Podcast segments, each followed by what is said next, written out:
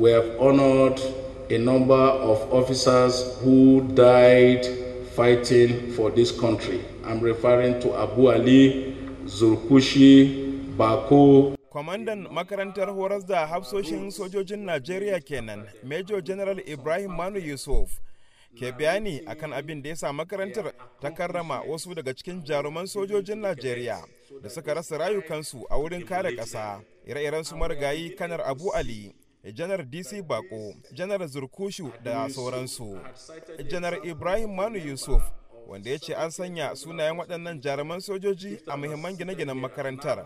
Kana an wallafa kasidu da ke bayani akan irin jaruntarsu domin ɗalibai su yi koyi da su a nan gaba. Their accomplishments and we have given to the cadets so that they strive to emulate them.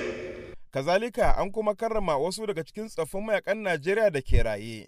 Bisa irin gaggarumar gudunmawa da suka bayar. Ire-iren su janar msa aliyu da su rsm oliver nzangina wanda cikin marari da farin ciki ke min wannan karin bayani. To zan ce na gode, na gode da abin da suka yi mani. Idan muka duba yadda kuka horar da manyan mutane yanzu misali ranka da a kamar janar janar ne suka taso a hannunka. Ka ba zan iya lissafta su ba don sun yi yawa. Suna da yawa. Yes. Mun san cewa aikin soja sa kai ne. To shi yasa muna da interest akan wannan aiki.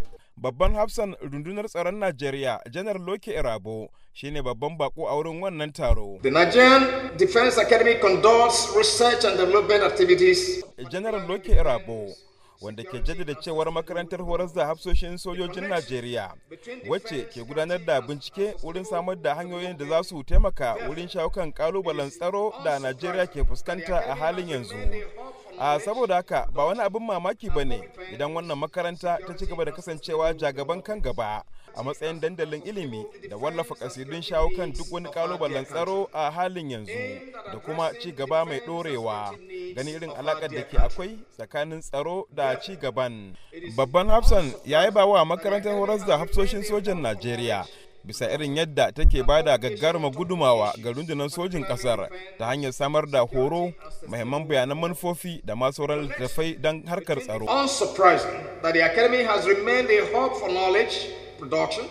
And publication on topical issues, particularly defense, security, and sustainable development. Yayin da yi wannan didima, an kaddamar da wasu muhimman littattafai guda uku, hadda wanda ke bayani akan sha'anin tsaron ƙasa. Hassan Mai na kaina.